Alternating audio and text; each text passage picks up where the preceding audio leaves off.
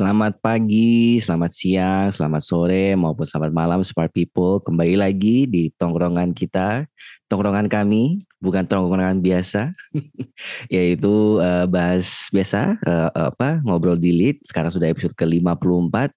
Kali ini kita akan bahas suatu fenomena yang as always cukup trending, tapi seperti ini lagi cukup trendingnya yang cukup apa ya rame ya, yaitu fenomena pacar sewaan. Nah, kan apa ya kita nggak bisa deny ya kalau misalnya kebutuhan dicintai dan mencintai itu sangat penting sebagai apa ya makhluk sosial selalu ada hasrat untuk ingin apa ya rasa dicintai maupun uh, mencintai seseorang dan apa ya dan obviously sebagai makhluk sosial dan sebagai apa uh, rakyat Indonesia selalu ada tuntutan untuk berpasangan, untuk menikah, untuk memiliki keluarga kan pasti selalu ya dirasakan oleh smart people tiap kali ketemu dengan sanak keluarga atau apa pasti tanyain mana nih pasangannya, mana nih pacarnya, mana nih suami atau istrinya gitu-gitu. Jadi ya jelas lah bahwa emang tuntutan sosial untuk mencintai dan dicintai ini sangat tinggi ya. Namun tentu saja again sebagai makhluk sosial uh, kita tidak bisa apa ya tidak bisa dipungkiri bahwa nggak semua itu bisa mendapatkan hal tersebut. Cinta dan mencintai merupakan suatu hal yang sangat susah dan ya as always di dalam apa ya dunia digital apa pun yang susah selalu akan ada solusi mudahnya yaitu dalam konteks ini fenomena pacar sewaan. Jadi muncullah fenomena ini. Apakah ini sebuah apa ya fenomena yang uh, unik? Aku rasa cukup unik sih. Tapi mungkin aku nanti mau dengar pendapat dari teman-teman. Oke. Hai Karin. Aku kembali datang dengan membawa uh, cerita. Hopefully suaraku aman ya guys. Aman nggak aman lah ya.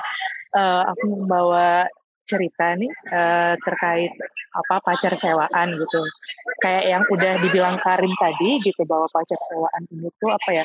Karena mungkin ada tidak ada orang menjualan tanpa ada demand gitu ya. Dilihat dari sini tuh ada demand di mana bahwa di Indonesia ini tuh kayak salah satu orang tuh dianggap sukses gitu adalah di mana dia sudah punya pasangan, sudah menikah, sudah berkeluarga, gitu. Jadi itu juga menjadi salah satu tolak ukur di Indonesia ini sebagai sebuah kesuksesan gitu.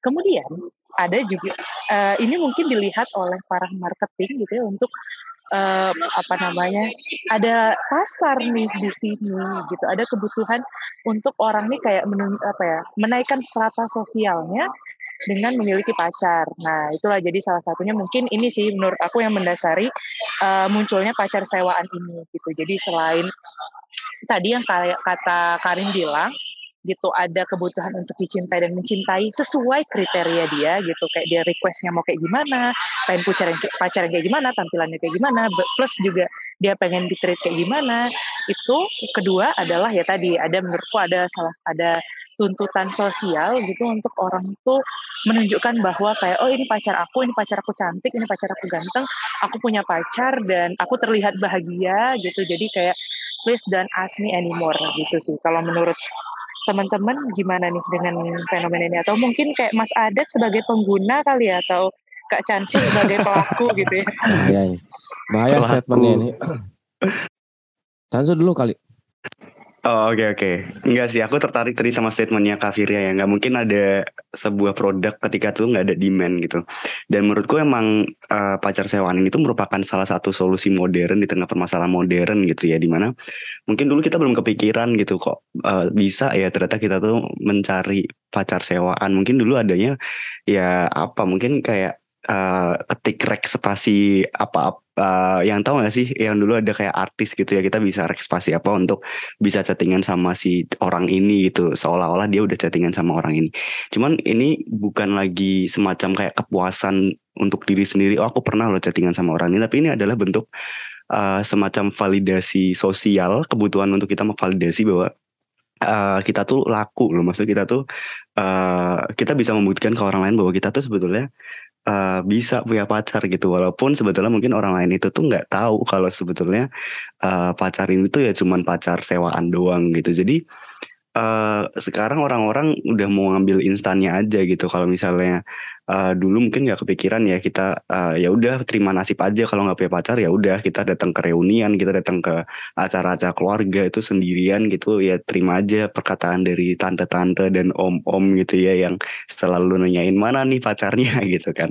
Cuman sekarang eh, dengan berkembangnya inovasi gitu, mungkin ini salah satu eh, dampak dari perkembangan ini juga ya pola pikir dan teknologi juga gitu ya. Jadi orang-orang bisa menghasilkan sebuah solusi baru.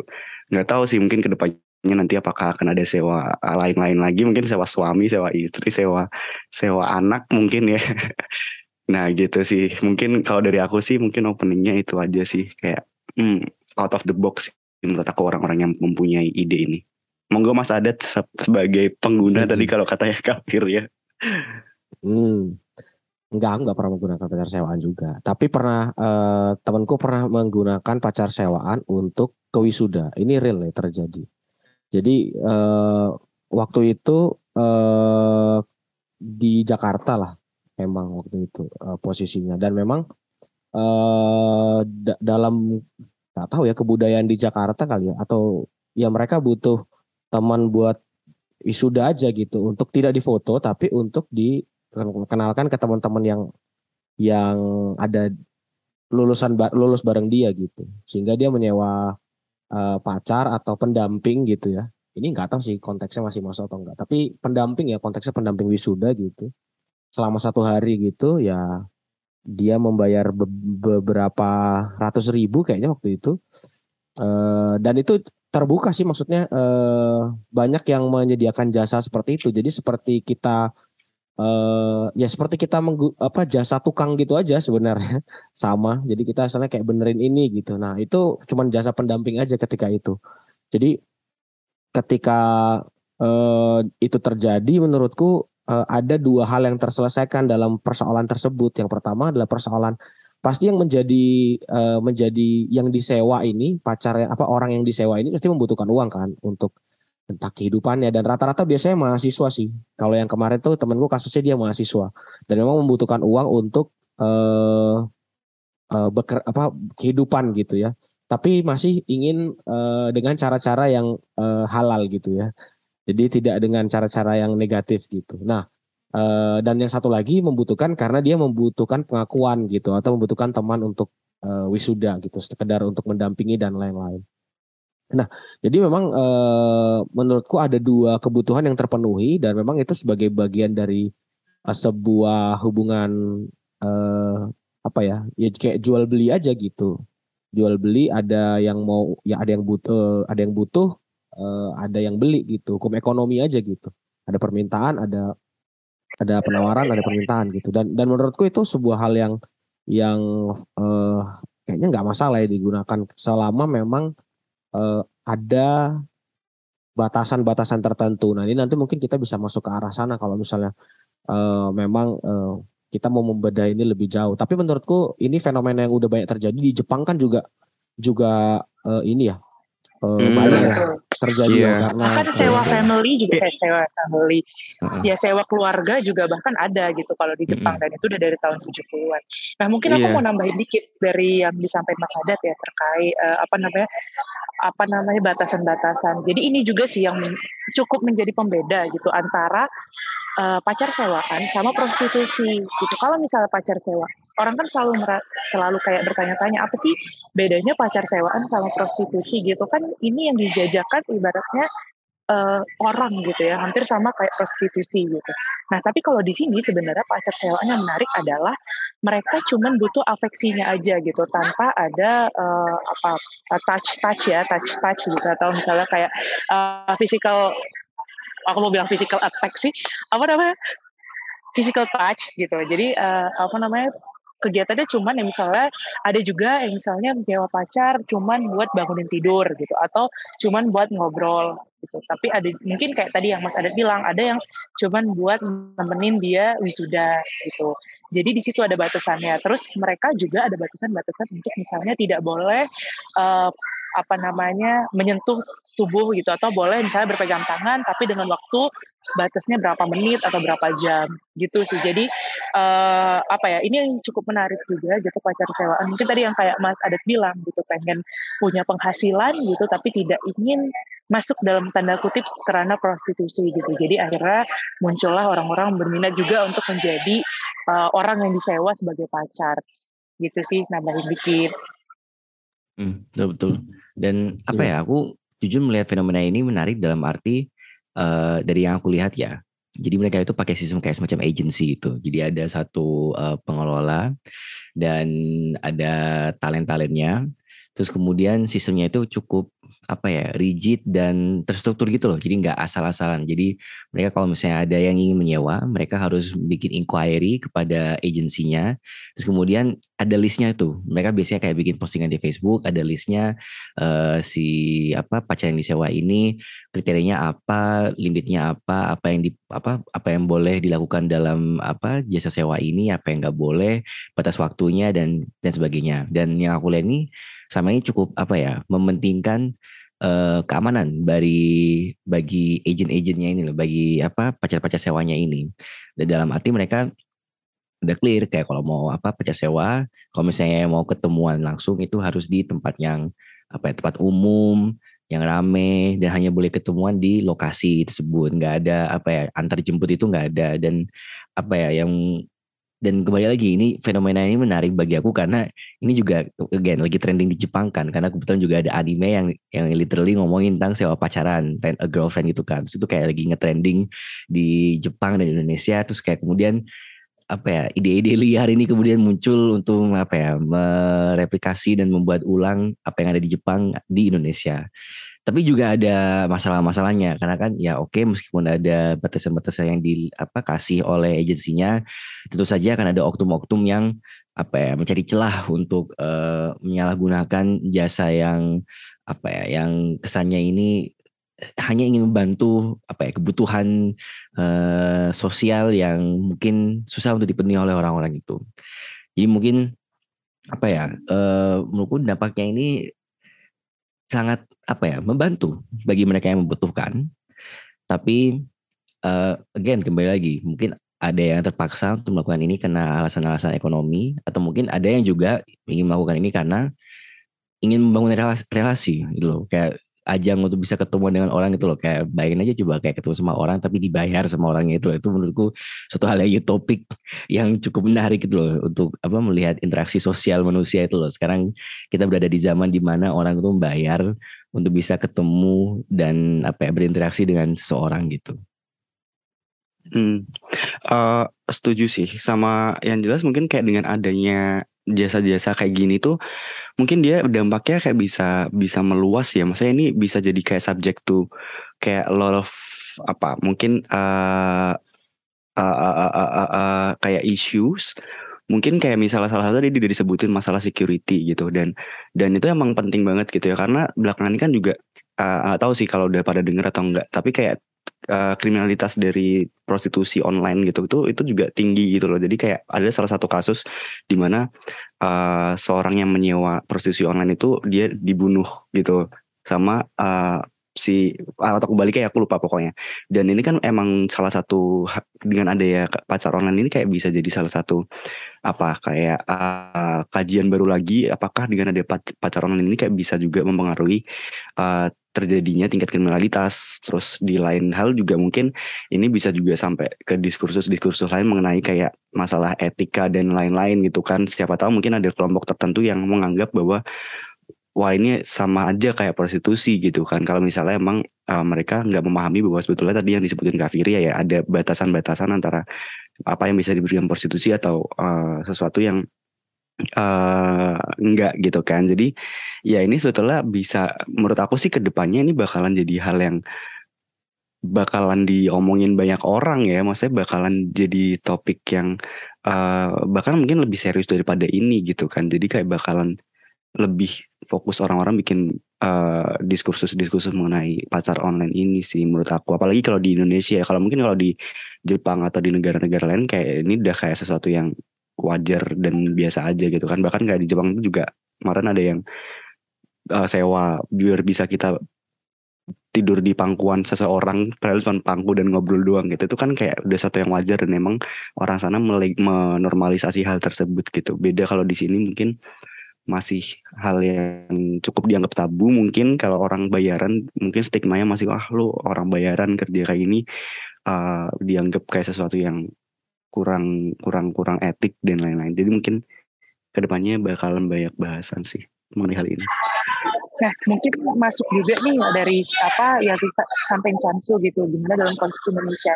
Nah, menurut teman-teman sendiri, kira-kira tuh gimana sih kebutuhannya tuh kepada di Indonesia sendiri? Karena kan itu juga secara mungkin secara apa tradisi juga itu bukan sesuatu yang mungkin dalam tanda kutip dinormalkan gitu. Terus juga di sisi lain kita juga bisa apa ya lihat gitu. Kalau misalnya di Indonesia ini kan masih ada rasa apa sosial sosial banget ya. Dan kayak rasa-rasa kepo gitu rasa kalau misalnya penasaran emang ini beneran pacar kamu? Terus pacarannya tuh dari mana? Terus kayak pengen dibuktikan dengan adanya sampai ke pernikahan gitu.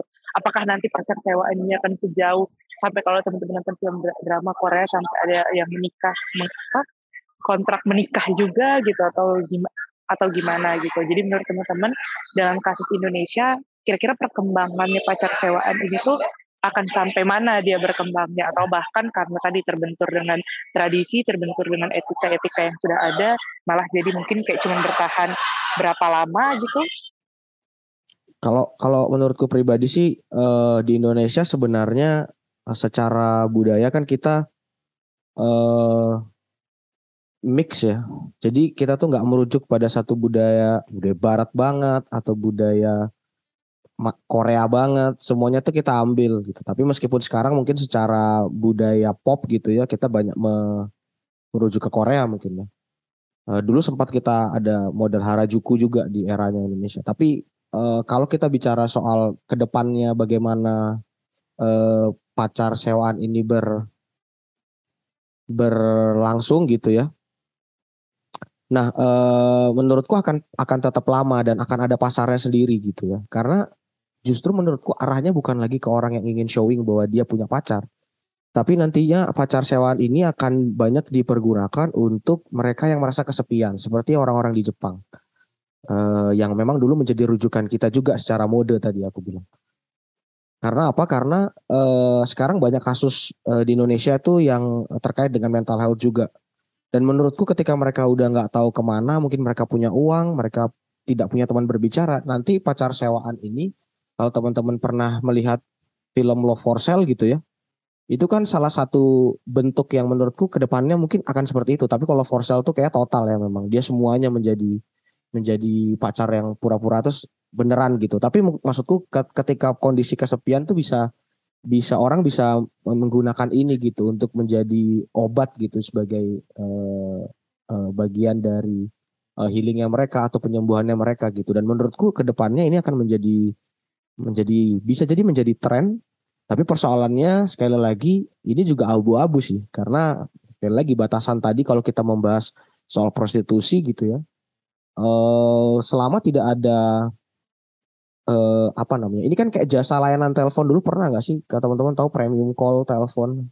Yang untuk ada dulu pokoknya iklan-iklan di TV zaman dulu lah. Itu premium call untuk telepon. Sebenarnya kan kurang lebih sebenarnya sama konsepnya cuman ini kemudian bertemu gitu dan menurutku uh, ini berubah aja uh, modelnya gitu. Semakin ke sini semakin uh, bert semakin bertemu mungkin bisa juga melalui virtual dan lain-lain.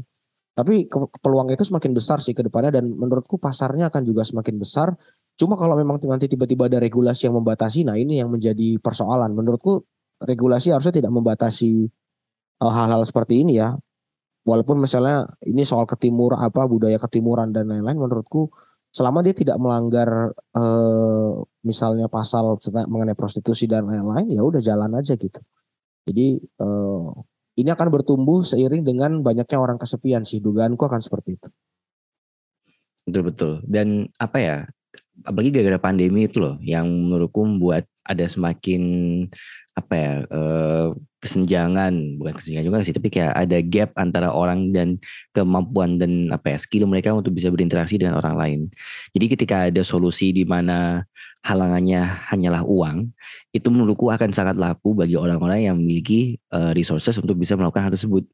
Karena apa ya kan pasti ada waktu ada ada ada rasa keinginan tuh untuk bisa berinteraksi dengan orang pasti adalah apa ya uh, orang yang kita chat uh, tiap hari gitu. Misalnya kalau kita nggak punya pacar atau apa, pasti ada teman yang bisa kita chat tiap hari gitu. Itu kan suatu hal yang apa ya uh, social interaction yang kecil yang sangat membantu untuk kita bisa survive day to day life-nya itu kan. Dan menurutku apa ya terlepas dari perbudayaan di Indonesia dan aku rasa juga pasti apa ya pasti akan ada sentimen negatif maupun sentimen positif yang muncul-muncul dari isu-isu pacar sewaan ini kan. Karena kembali lagi ini ranahnya ke suatu hal yang apa ya pacaran kan mungkin di kita itu masih suatu hal yang rada intim gitu kan bukan suatu hal yang mungkin lebih open di dunia-dunia barat misalnya dan ketika kita membuat konsep pacaran ini menjadi suatu hal yang commodify yang ada apa um, transaksinya itu kan kemudian jadi apa ya muncullah pertanyaan kayak lo ini kok kesannya malah kayak transaksional? Kok ini malah kesannya kayak apa aku bayar kamu buat jasa ini gitu itu jadi mungkin masih apa ya eh, cekcokannya pasti di sekitar itu kan. Tapi menurutku eh, ketika orang kemudian melihat lagi dan dan mencari tahu mengapa fenomena ini muncul dan kebutuhan apa yang bisa dipenuhi oleh fenomena ini menurutku akan jadi lebih accepting gitu loh. Tapi bukan berarti ini suatu hal yang harus kita eh, glorifikasi dan kemudian kita promosikan secara terang-terangan karena tentu saja itu kan pasti ada uh, unsur negatifnya ya dari pandangan orang-orang. Dan tentu saja kalau misalnya kita apa kalau malah menurutku it defeats the purpose kalau misalnya pacar sewaan ini menjadi sangat apa suatu hal yang sangat uh, uh, diketahui oleh orang-orang. Kemudian kayak temannya Mas ada tuh uh, apa nyewa pacar buat um, wisuda. Kan kalau itu jadi suatu hal yang sudah lumrah dan ketahui kan jadi apa ya jadi kesannya itu nggak bermakna itu loh dia bawa suara, apa seorang pasangan untuk wisudanya itu loh. Karena ini tahu apa teman-temannya tahu kayak oh alah itu pacar sewaan gitu loh. Jadi mungkin apa ya uh, scene lain yang aku apa ya yang aku rasa itu adalah uh, ini akan menjadi suatu hal yang oke okay, tapi orang-orang pasti mau mencoba untuk gatekeep ini dari orang lain. Dan mereka itu nggak bisa menerawang kalau apa ya kita suatu ketika suatu saat misalnya Chansu udah mau apa sudah S2 gitu terus dia bawa pasangan.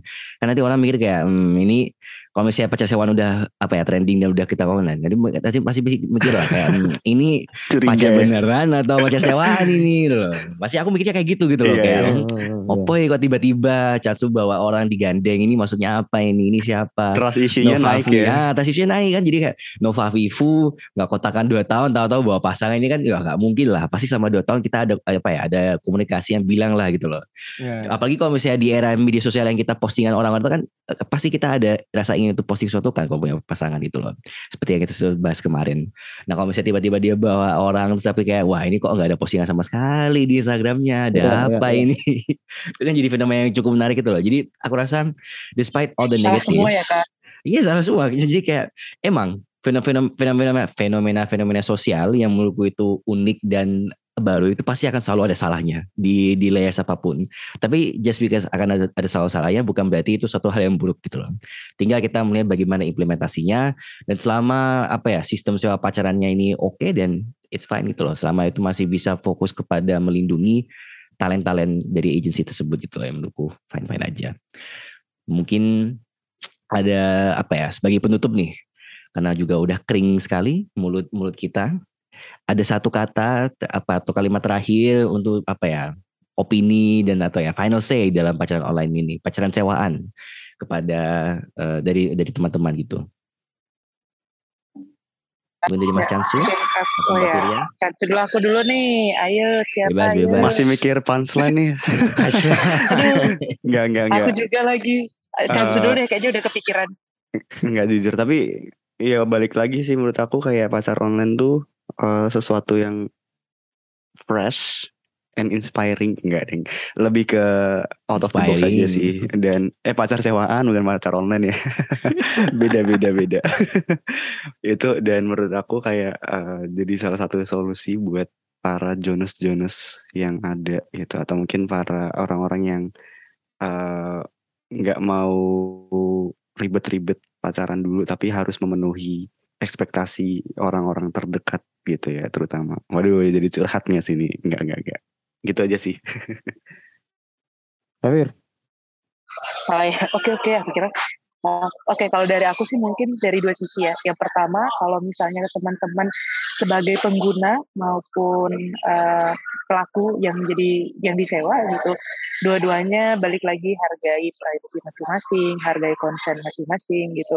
Iya sama aja ketika kita uh, apa namanya, ketika kita menyewa atau kita membeli sesuatu atau menyewa jasa seseorang, apa pun itu gitu ya, kita kan pasti harus menghargai kedua belah pihak gitu. Jadi jangan sampai tadi yang kayak Chansu bilang jangan sampai akan uh, menimbulkan eh, ruang-ruang uh, kriminalitas baru. Terus kalau dari sisi mungkin dari sisi sosial gitu ya, uh, balik lagi juga hargai privasi orang gitu, jangan menuntut orang untuk menjadi ap seperti apa yang kalian inginkan karena ya kita semua tidak bisa memenuhi semua ekspektasi di di, di uh, milik orang-orang lain.